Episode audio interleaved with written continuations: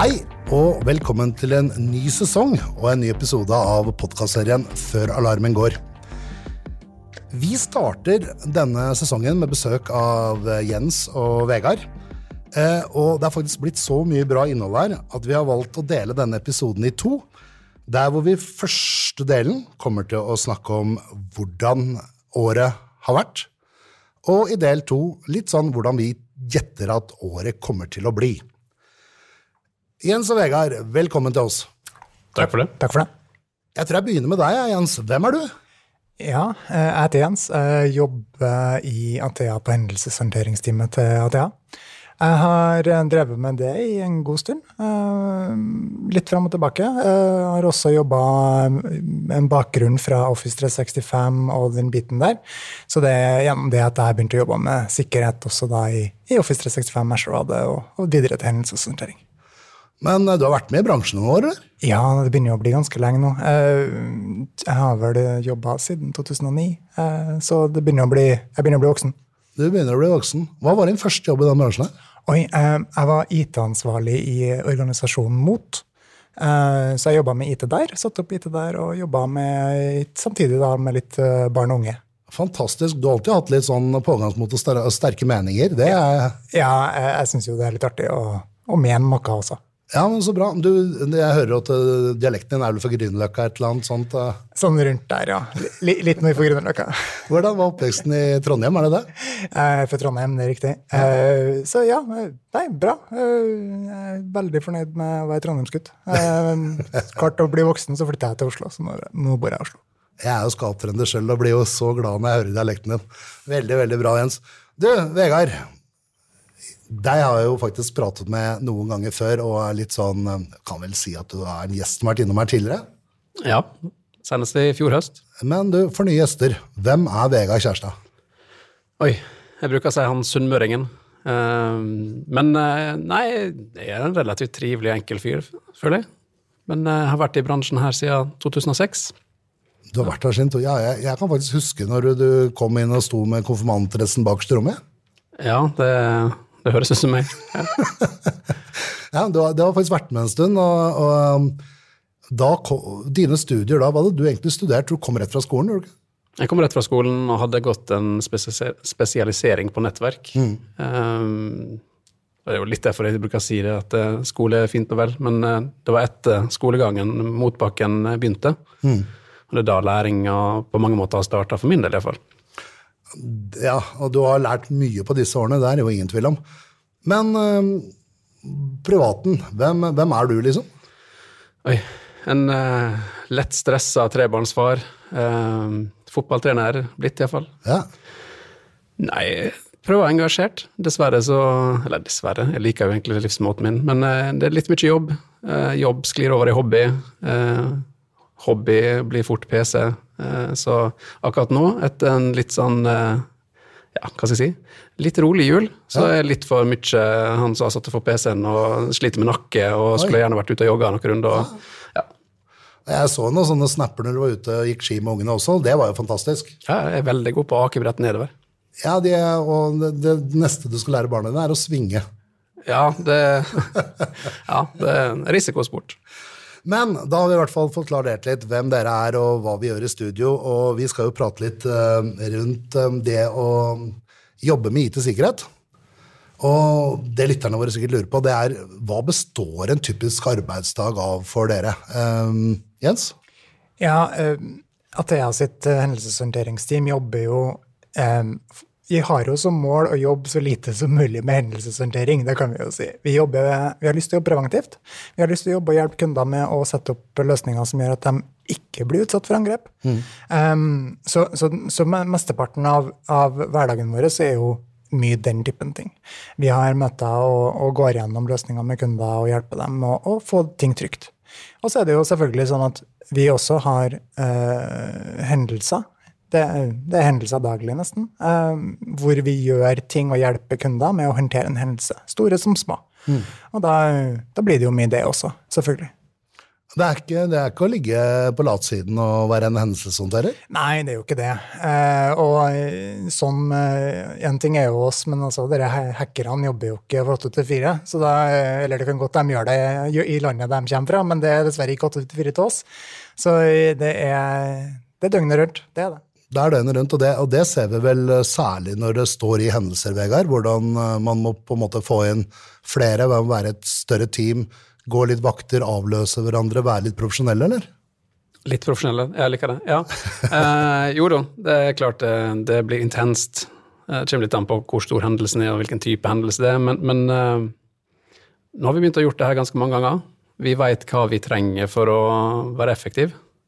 Og det er jo litt av målet vårt, å bruke den kunnskapen og erfaringen vi har fra før, til å være veldig effektiv. Uh, klare å se litt forbi vårt Eh, eller vår sult for informasjon. Veldig ofte vår nysgjerrighet eh, er stor, men, men, vi må fokusere på bedriften vi skal bistå, og få dem opp igjen i eh, produksjon, enten det på en eller andre måten. Altså Det som er viktig for dem, det som skaper inntekt, mm. Det må vi ta hensyn til. Og da må vi av og til legge våre egne behov litt til sides uh, i forhold til gjerne skulle ha vite, altså den teknologiske sulten. Det blir jo, en, det blir jo en, hele tida en avveining for oss også, mellom det å komme seg fort opp igjen for en kunde som har blitt utsatt for et angrep på et eller annet vis, og det, og det å eh, finne ut av hva som faktisk har skjedd. For det er jo klart at det er i en del tilfeller en motsetning mellom det å komme seg opp igjen og, og være tilbake igjen i drift, eh, og det å for vår del da, finne ut av hva som faktisk har skjedd. For det handler også om å få dem opp igjen eh, på en trygg måte, som gjør at det her ikke bare kan smelle igjen på nytt. Og her er vi inne på, er vi inne på en litt sånn interessant ting dere snakker om. for det, Vi var jo av gårde eh, her på et uh, arrangement i, i, London i desember. Eh, og der var det jo typisk den slitasjen det blir på sånne som dere. For det er, dette er jo faktisk mange som ikke tenker på. Her er jo proffer som rykker ut og hjelper folk i en situasjon. Men det blir jo som brannmenn eller ambulansesjåfør og litt sånn. Dere kommer jo i en Dere rykker inn litt sånn med heltekappe i en veldig stresset situasjon. Er det en gjengs opplevelse, Jens? Eh, vi, vi kommer nok veldig ofte inn Nå varierer det veldig ut ifra hendelser. Ehm, det vi har mest av hendelser, er jo ikke den typen store hendelser som er satt ut til et helt firma, men det er klart at i de tilfellene vi har ja, løsepengevirus, den type ting hvor det er uh, mye ut av på spill for kunden, kunden er kanskje ned, kunden har tilgang til sine egne systemer, den type ting, så det er klart at vi møter ofte en kunde som er uh, har sin verste dag på jobb. Mm. En IT-ansvarlig som, som, egentlig ikke kunne ha fått det noe verre enn de har her. Og da blir halve jobben å være litt psykolog overfor den personen også, og si, ja, berolige med å si at det, det, kommer til å ordne seg, vi kommer til å komme i mål. Og ja, det, det er nok Vår erfaring er nok at det, mest, det føles mye mer stressende for den eh, personen som sitter og er ansvarlig for det her. Om det er en IT-ansvarlig, om det er en daglig leder som på et eller annet vis uh, har et voldsomt eierskap til det her, og som da kanskje også føler seg mye mer ansvarlig. Mm. Vi har en litt mer profesjonell distanse til det i de fleste tilfellene, men det er klart at også da, hvis vi har store hendelser som går over flere uker, så er vi også avhengig av at vi rullerer litt på laget av og til. Å ha en progresjon, ikke sant? Ja, klart det. Men, men, eh, fordelen vår er jo som sagt at vi har vært gjennom det her noen runder før. Vi veit hvilke element som vil dukke opp. Som Jens sier, vår jobb er å preppe det løpet. Et av de uttrykkene vi brukte mye i 2021, det var jo å Det her er ikke en sprint, det her er et maraton. For det var en god del hendelser vi opplevde at folk skulle måtte rushe opp raskt. Um, for, å, for, å, på en måte komme seg på nett og få i gang virksomheten, ja, eller? Ja, altså det er, jo, det, er jo, det er, jo, det de lever av. Det er ja. viktig for dem å få i gang en ting. Men, men som Jens sa i stad, det handler litt om risikoappetitt der. Og vi kan ikke kjøre opp igjen et kompromittert miljø. Vi må på en måte ha kontroll på greiene og vite hva, hvordan skjedde her, og få tetta hull. Og Noen ganger så må vi bygge opp igjen egentlig hele sikkerhetsarkitekturen fra bunnen av og, og, innføre nye kontroller fordi vi skal ha kontroll mens vi gjør det her. Men, men poenget var at vi vet jo på en måte hva vi går inn i, og vi vet at vi kommer ikke ut av det her på de første ukene. Um, og klart, tidvis så, så, er det utfordrende fordi folk skal kanskje ha ferie eller eh, ja, høytid. Um, men, men jevnt over så Det her er jo det, det gutta syns er gøy. Um, Nå blir det etter hvert gutta og jenter, da, for all del. Litt politisk korrekt. Men, men eh, det er jo det de vil holde på med, det er det de syns er gøy. Så det er egentlig større jobb for min del å holde igjen og klare å bredde det ut i større grad, at vi har den kapasiteten over lang, lang tid. da. Det, det, eh, jeg tenker litt sånn på kvaliteter du må ha. og sånn, fordi Jeg prater jo veldig mye med virksomhetene som har blitt kompromittert i etterkant. Eh, og det liksom unisont tilbakemeldingen er, er jo De har opplevd forskjellig, men det der når dere kommer inn og de får en trygg hånd å holde i, det er liksom en sånn generell følelse at dette var veldig bra. Eh, vi opplever at vi blir guida riktig. Er det, øver dere noe på å være likende? er det lov å si? Liker jo å tro at vi er likende, da. Men, men det er et godt spørsmål, og, det, og det er et godt poeng. For det er klart at, at i den forstand at vi er avhengige av at veldig mye av jobben vår handler om å snakke med mennesker. Altså Uansett om det er en IT-ansvarlig som sliter med noe, eller om det er en bruker som har opplevd, mm, opplevd noe også, eller klikka på en link han ikke skulle ha klikka på, osv., så, videre, så er vi avhengig av å snakke med mennesker. Ta vare på de som faktisk Ja. kanskje har vært årsaken, til og med. Ja, ja ikke sant? Altså, det er jo for, altså, i, de aller, I mange i hvert fall, av hendelsene vi, vi er gjennom, så er det noen som har gjort noe som de til syvende og sist ikke skulle ha gjort. da. Om det er en kjempegod phishing-mail eller om det er et eller annet sånt, så spiller det ikke så stor rolle, men noen har gjort noe dumt. Og da handler det jo litt om sannsynligvis også, da, og liker jeg å tro som har blitt rekruttert inn her, er de typene som blir valgt inn til å jobbe med det her. Vi kan ikke ha de folkene som altså IRT er litt avhengig av å ha mennesker som er i stand til å prate med andre folk også. Og, og, og, og ha den sikkerheten og, og tryggheten da, med seg når du snakker med, når du snakker med kundene. Og så er jo det, det, er jo, det er også vår jobb å ikke bare være likende, men eh, pedagogisk for all del, eh, men, men også forklare løpet, men også være litt tøff. Du skal forklare at eh, nå må vi gjøre sånn her. De fleste hører jo og respekterer vår mening på ting, og det er jo derfor det engasjerer oss, for at vi, det her har vi, vi gjort før. Men klart, du skal være litt, du skal være litt voksen for å være streng mot en bedriftsleder som ser kanskje livsverket sitt stå i stampe og lurer på hvordan han skal komme seg ut av det her. Men, men vi kan ikke Vi kan presentere risiko, og vi kan gi vedkommende en eh, mulighet til å være kreativ og finne, finne løsningene for at han kan gjøre noe, men, men til bunn og grunn så må, skal vi være med, så må vi styre risikoappetitten også i forhold til hvordan vi bygger oss opp igjen. Jeg kjenner at øh, jeg blir øh, stum av beundring. Som regel så prater jeg på utpust og innpust, men øh, når dere er her, gutta, da det er helt magisk. Du, tilbake igjen til innledningen. Hvordan vil dere oppsummere hendelsesåret 2023? Hvor, hvor begynner vi hen? Litt sånn tall. Ja. Hvis vi gjør det enkelt, da, eh, og så er det litt greit å ha eh, perspektiver, da, men, men vi har en prosentmessig, eller tallmessig, så har vi eh, en 400 eh, økning. Altså vi har, vi har mange hendelser i fjor, og så skal ikke en svartmale det, for det, det er en stor økning for vår del, og det er jo da hendelser som blir eskalert opp til oss, så det betyr jo at det er en eller flere som har vært mellom og skulle ha gjort noe med det før de vil ha vår hjelp og vår erfaring og kompetanse. Men, men eh, vi opplever jo, og det er jo det positive av det, da, at det, er flere og flere som søker eh, både tryggheten, naturligvis, men, men de søker å utforske hva er det her for noe, hvorfor det her, kan det være noe skummelt? Og det, vi liker iallfall å tro at det viser mer årvåkenhet, at en er mer på alerten, og en, en da er bedre skodd for å unngå eh, den store krisen, kanskje.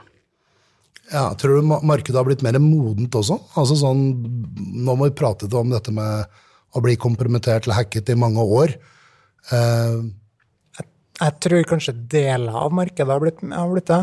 Det som er den store utfordringen vår egentlig, er jo at eh, og, det ser også tallene våre, er jo at måtene man blir kompromittert på eh, Nå kan vi jo snakke om to forskjellige typer hendelser egentlig da, som har dominert 2020, 2023 for oss. Men la oss ta, ta ransomware, da, som er den store, store hendelsen som alle er redd for, og som er virkelig det meste. hva er ransomware, hvis du skal forklare det? Det er et løsepengevirus, det som er det norske, pene norske ordet for det. Det handler i all hovedsak om at noen kommer seg inn på miljøet ditt ut, og eksekverer et program på, på dine servere som gjør at dataen blir kryptert og ikke tilgjengelig for deg. Og så krever de penger for at du skal få lov til å låse det opp igjen. Um, det, det, det store som har skjedd i Eller det, det, som er interessant med 2023, er jo at angrepsmetodene for den typen eh, angrep er akkurat de samme som i 2022, 2021, 2020 osv. Det er fremdeles de helt banale eh, sikkerhetstiltakene. Det er at ting står på internett som ikke skulle ha stått på internett. Ting blir ikke patcha som står på internett. Ting står på internett så du kan logge deg på det uten tofaktor. Så kanskje da spesifikt eh, remote desktop, altså fjernstyringsverktøy for eh, for servere. Og, og, det sier oss jo at um, deler av bransjen har sannsynligvis eh, lært, har implementert ting. Men norsk industri som helhet er så stor, det er så mange bedrifter, mm. eh, at det vil alltid være noen som ikke har gjort det. Og det ser vi jo også at de kundene som har fokus på sikkerhet, som vi snakker med om sikkerhet, som jobber med om sikkerhet, det, det, det, skal jo mer til at de opplever det her, fordi at igjen, det er såpass banale ting som egentlig skal til. Mm. Det er jo der vi sliter også. Da, som at ja, Vi er et stort selskap, vi har masse kunder, men sjøl vi sliter med å komme ut til alle med denne typen kunnskap. Eh, om at det er egentlig ganske enkelt å beskytte seg mot ransomware. Du må gjøre noen få små ting, mm.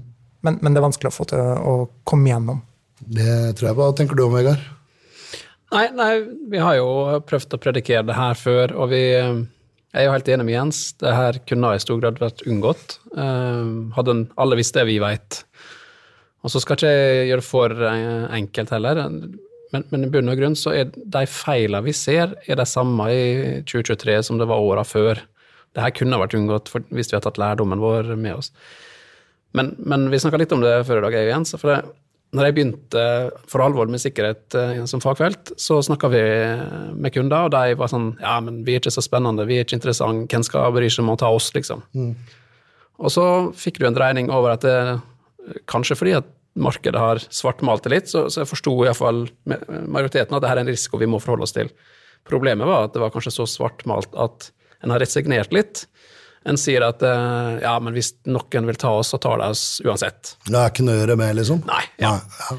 Men, men uh, allikevel da, så sitter jo vi jeg skal ikke si at vi sitter på fasiten, men vi sitter iallfall på et representativt uh, volum, iallfall for nordisk uh, markedet, mm.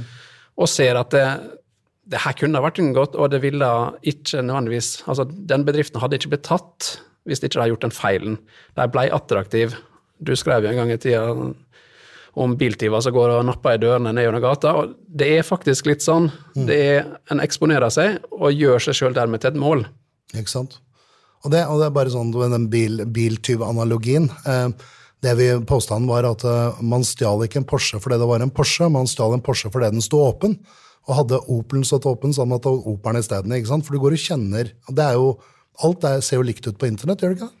Ja, du, du, forstår nok at det er en litt eh, penere Porsche kontra en Opel, men, men, men ja, det er, en, det er en IP-adresse, det er et webinterface, det er en RDP-port, og det, det finnes ferdige resultat, enkelt greit. Du, du, kan mm. gjøre en passiv, du trenger ikke gå og nappe i bilen, du kan egentlig bare gå på søkemotorer og finne disse ofra.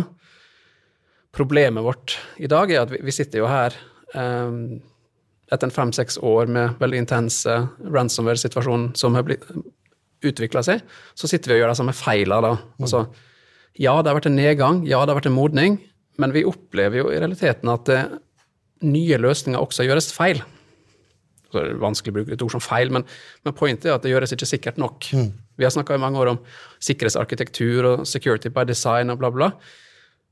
Men vi når ikke, som Jens sier, ut. da. Disse her, alle disse her eh, nisjeleverandørene som har digitalisert seg, sitter ikke nødvendigvis på nok kompetanse til å forhindre et angrep. Og mer opptatt av at ting skal virke enn at det er sikkert? Funksjonalitet trumfer, ja. ja ikke sant. Men du, bare sånn, jeg må avbryte litt, for jeg har fått med meg en sånn firebokstavs uh, angrepsform som på en måte har vært litt ny den siste tiden. Uh, skal jeg prøve å stave det riktig, for jeg har klart å gjøre det ganske mange ganger feil. Det kalles AI TM. Eh, traff jeg den gangen? Det var helt riktig. Bra, Thomas. Så det er ikke gærent. med å kjenne at jeg ble litt stolt. Men det er en ny type angrepsform som vi ser. Hva, hva, hva er det går under dette her? det er jo i utgangspunktet ikke en ny angrepsform i den forstand at tek teknologien har vært der i årevis. Det er bare at man har ikke trengt å bruke den. Det er phishing. Det, det begynner egentlig ned i phishing. Det er noen som ønsker å få tak i en konto, spesielt i disse dager i Microsoft 365. De vil ha tak i mailboksen din for å eh, ploppe inn en falsk faktura som du betaler. Det er egentlig hele, det, er det de er ute etter. Og så har vi vært veldig flinke i IT-bransjen de siste årene. Vi har uh, funnet ut at MFA var lurt for å beskytte oss mot phishing, sånn at uh, hvis noen stjeler brukerne og passordet vårt, så klarer ikke de å komme seg inn. Um, vi har vært så gode på det at angriperne måtte eh, gå videre. Da må man nødt til å finne på noe nytt. Og da kom ITM. Um, Som står for? Adversary in the middle. Ja.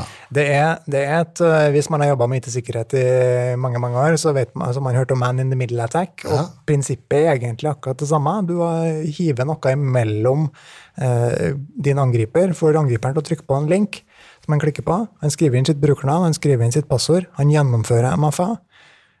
Og så stjeler man det som heter for en session cookie. En session cookie er en billett som Eh, blir utstedt til browseren din for at du skal få lov til å være innlogga i, i, den tjenesten du prøver å logge på. Den kan da misbrukes av en angriper som tar med seg den billetten og bruker den på sin PC istedenfor. Det er sånn vi ser på film, at noen lukker opp en dør, og så stikker en eller annen en sånn papirbit imellom. Så døren står oppe, så de kan bruke den, de òg. Ja, ja, det kan du si. Det er en analogi på det. Det er absolutt det. Men poenget er i hvert fall at du kjenner deg forbi tofaktor. Ja. Og det var det som har vært utfordringa vår med ITM. For vi har gått rundt og sagt noe, da, vi som jobber med IT-sikkerhet, spesielt mot Office 365, at kjære brukere, slå på tofaktor. Det her ja. Eller det som har vært tradisjonell tofaktor. da, SMS, authenticator, den type ting. Ja og så er vi dessverre nå nødt til å springe og si at det her var ikke nok likevel. Men du trenger det i tillegg? Du trenger selvfølgelig det i tillegg. Fordi det beskytter deg mot veldig mange andre angrep. Eh, men vi er nødt til å gjøre mer. Men uh, Vegard, er det sånn at uh, det er bare de helt supersostifikerte verstinghackerne som bruker denne arrenskoven? Nei. Altså, vi, vi, så jo denne angrepsformen her første gang i oktober 22. Så begynte vi å dykke i den, og så begynte vi å bekymre oss. Og så var det egentlig stille og rolig. Og så kom vi til januar i fjor, og litt utover i januar, og så begynte vi å se at nå er det her den nye standarden. Som alle, som alle tar i bruk, liksom? Ja. Og, og da, er, da, er, jeg tilbake til spørsmålet ditt, da. Um, fra å være noen tilfeller, så ble det den nye standarden, og totalt på året så kom vi vel til at 80% av de tilfellene vi blir involvert, av den type angrep, altså phishing-angrep, så, så, så, er det her i den bruken. Og mest av alt Du sporer det tilbake til typisk Nigeria og den type land, da, som eh, er veldig kjent for å sende ut eh, diverse mailer. Og nå sitter jeg som en virksomhetsleder eller som en IT-sjef, eller et eller annet sånt, og så tenker jeg what the f... Er det mulig? Hva, hva gjør jeg nå? Ja. Er det noe, hva, hva gjør jeg nå? Det er et veldig godt spørsmål. Um, det fins forskjellige måter å løse det her på. Um, vi, vi gjør jobber med, med, bedrifter hvor vi forsøker å hjelpe dem å sette opp løsninger som f.eks. gjør at du får kun lov til å logge inn med eh, devices som er bedriftens egne. Da kontrollerer vi at enheten i tillegg er en trygg enhet. Da er vi litt tilbake til sånn som IT var for en del år siden, med at du får utlevert en PC fra jobben, og det er den du skal bruke. Eh, da tar vi litt livet av denne AITM-bulgen. Vi tar livet av at du kan sitte på hvilken som helst enhet og gjøre jobben din. Da er vi tilbake til at du dessverre er nødt til å sitte på jobben sin PC og jobbe. Det er mer fokus på å gjøre jobben enn å leke med utstyr? Ja, det kan du si. Eh, men, men det her er en utfordrende, utfordrende situasjon. Men, men, hos mange bedrifter så har det vært den riktige veien å gå. Mm. Og så har vi noe som heter for eh, FIDO, som er en standard som har blitt utvikla, som, som, hjelper oss også med denne her. Da har du spesifikke FIDO-nøkler, og hvis man har fulgt med litt eh, på, på, på i media, eller i, i, den litt sære typen media i det siste, så har det vært passkey som har vært en sånn skriving. Okay. Passkey vil si at du bruker mobilen din istedenfor, som også er trygg. Eh, det er også en standard som er utvikla av Google og Microsoft og Apple, som, som, beskytter deg mot den typen angrep også. Um, mye av det her er ikke tilgjengelig i dag. Mye av det kommer. Uh, så vi, vi, Det er ikke en kjempeenkel fiks på det på samme måte som det med tofaktor. Men det som, det som slår meg, er at um, tilbake i tid så jobba jeg i Watchcom. Og den gangen så leverte jo vi PC-er hvor vi brukte, brukte et RSA-token som SID 800 med et sertifikat på. Og det fikk du faktisk ikke åpne før du brukte det sertifikatet. Er vi tilbake igjen der? Nja, altså du kan godt sammenligne med det, men, men, det er mulig å slippe å ha den fysiske dingsen i lomma som du alltid glemmer å putte i vaskemaskina, da. Um, det Jens sier, det å ta stilling til hvilken enhet skal du faktisk få jobben på, mm. det har vi sett funka veldig bra. Vi har kunder som eh, tidlig i fjor lytta på oss og tok grep. Rulla litt om på organisasjonen og har til tross for veldig mange slike angrep mm. som vi har sett på sammen med dem, så, så, er konsekvensen så å si null. Det er mer sånn her, det er greit å forklare brukeren hvorfor han nå gjorde noe dumt, sånn at han kan lære av det, eller bruke som internopplæringseksempel. Eller. Men i bunn og grunn så har ikke konsekvensen vært reell. Angrepet ble stoppa før det ble noen som kom seg inn på kontoen. Er det noen kjente angrep eh, som på en måte har vært pratet om rundt dette? eller?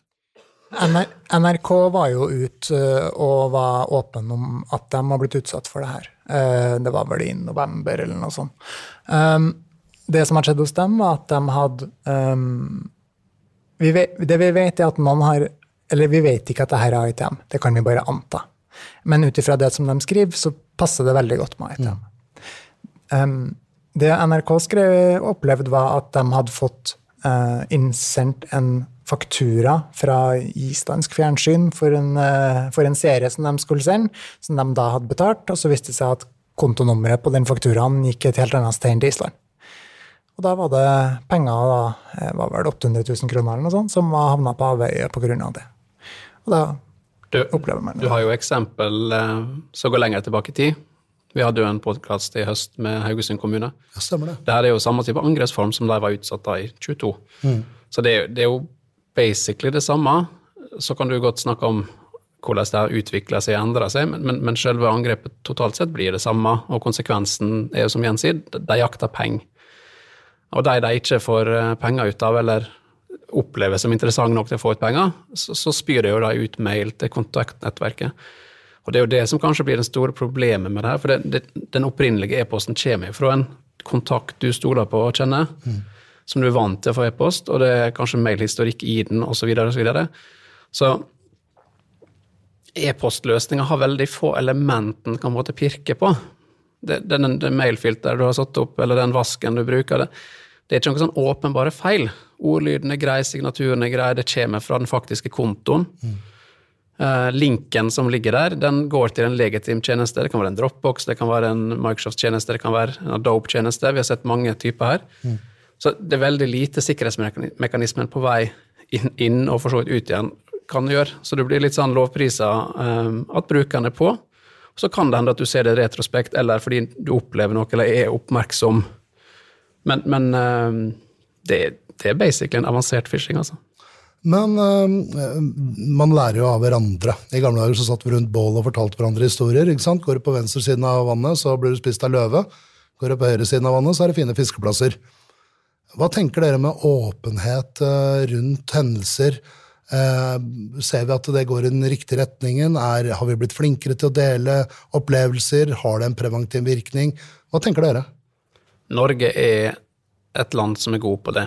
Er vi er gode på det? Det, det er sånn som vi opplever det. Så bra. Vi har mange gode eksempel som har løfta bevisstheten og fokuset. Og så er jo det som alltid at det, det fungerer en stund. Østre Toten hadde kjempeeffekt på kommunal sektor i en god stund. Litt usikker på hvor, hvor fort det toget fortsatt går i Kommune-Norge, om, om, det er nok fokus. Eh, men jeg opplever veldig, veldig mange kommuner er vokst mye, og ikke mm. minst kommuneledelsen har tatt inn over seg at det her kan skje oss. Så, så den delingskulturen som uh, Østre Toten og ikke minst Hydro, som var først ute, ja. eller Voljo eller andre, den har vært utrolig effektiv. For det gir oss konkrete eksempel, det gir oss virkelige mm. historier som bedriften sjøl kan stå fram for. Mm.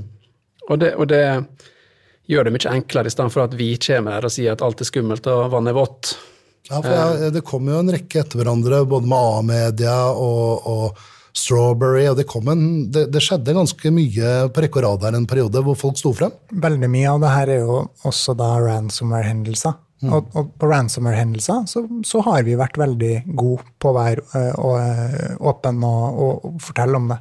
Um, ikke like god på uh, phishing-svindel og den type ting. Der, der, merker vi at det er litt mindre uh, åpenhet rundt det. Jeg tror at det kan være så enkelt som at folk opplever at i en ransomware-sak så, så, har du blitt hacka. I en phishing-sak så har du blitt lurt. Uh, for du har blitt lurt til å gjøre noe. Mm. Det føles litt sånn her vonder. Du var dust og betalte en faktura du ikke skulle ha gjort, istedenfor at noen har kommet seg inn på systemene. Det kan være så enkelt som det. Jeg eh, ble kjempeglad når NRK posta den saken om at de hadde blitt utsatt for det. Jeg eh, håper at det kan, det kan, være med på å fortsette å få fram at folk forteller om denne typen ting. Eh, opplever som folk det sjøl, så må de fortelle sine kontakter om det, ikke minst også for å hindre spredning. Ja, for det handler om det også.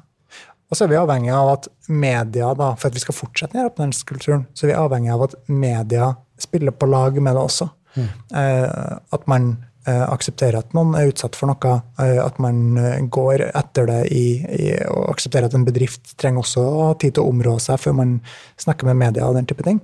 Sånn at jeg har også en oppfordring til, til, til, til den som jobber med media, da, til å Når noen opplever noe sånt, så vil for mange kanskje ikke det første skrittet være å ringe media. Vi, man skal varsle Datatilsynet, det er man pliktig til. Eh, og vi oppfordrer alle våre kunder også til å være åpen mot eh, til media, komme med medieutspill og sånne ting. Eh, men det er nok ikke det som skjer på dag én eller dag to. Eh, men vi er veldig gira på at det skal skje. Og når man først står i en sånn episode med så mye press på seg, så er det greit at man kanskje slipper å måtte stå til rette for ting man kanskje ikke vet ennå engang, eh, Vegard? Ja, jeg vil jo dra den oppfordringa til Jens litt bredere, da, ute i fagmiljøet og sikkerhetsmiljøet. At det, det trenger ikke være stoppeklokke på hvor fort du skal ut med ting. Eh, hvis motivet for å dele informasjon om en hendelse er at eh, noen andre skal kunne lære av det, mm. så trenger ikke det nødvendigvis å være noe som må skje som sagt, dag én, to eller på første uka eller andre uka heller, egentlig. Klu... Kanskje mer på nysgjerrighet til de som spør, eller? Ja, altså vi, Bransjen er jo nysgjerrig, og vi ønsker jo å spekulere, og vi er jo veldig gode på det, tydeligvis. Men, men, eh, til bunn og grunn så er jo hva er det vi skal sitte igjen med den spekulasjonen? Er det å vise at vi er smartere enn den som ble tatt, eller er det, er det et ønske om å viderebringe informasjon? Ønske om å bli bedre? Ja, og, men, men, min take der er jo at eh, skal den komme riktig mottaker i hende, da, så, så, er det kanskje bedre at virksomheten sjøl får fortelle den. Eh, og så må vi ha respekt for at det er ikke sikkert en virksomhet skal dele alle nitty-gritty stoff med en hendelse, men vi kan håpe at det er iallfall deler, deler essensen av hvorfor de ble angrepet. Eh, og gjør de det, så, så, kan vi ta den praktiske lærdommen. Eh, og så handler ikke det nødvendigvis om å henge ut noen eller å, gjøre det vanskelig, men, men eh, ja, som sagt, ta med lærdom. Vet du hva, Da har vi kommet til tids ende her, og en oppsummering av dette er eh, vi er i hvert fall opptatt av åpenhet og deling. Definitivt. Da, vet du hva, da takker jeg for denne episoden, og flere lytterne der ute, så stay tuned, for det neste episode blir faktisk med de samme gjestene, og da skal vi snakke om hva vi tror 2024 kommer til å bringe med seg. Stay tuned. Vi hører straks igjen. Takk skal dere ha.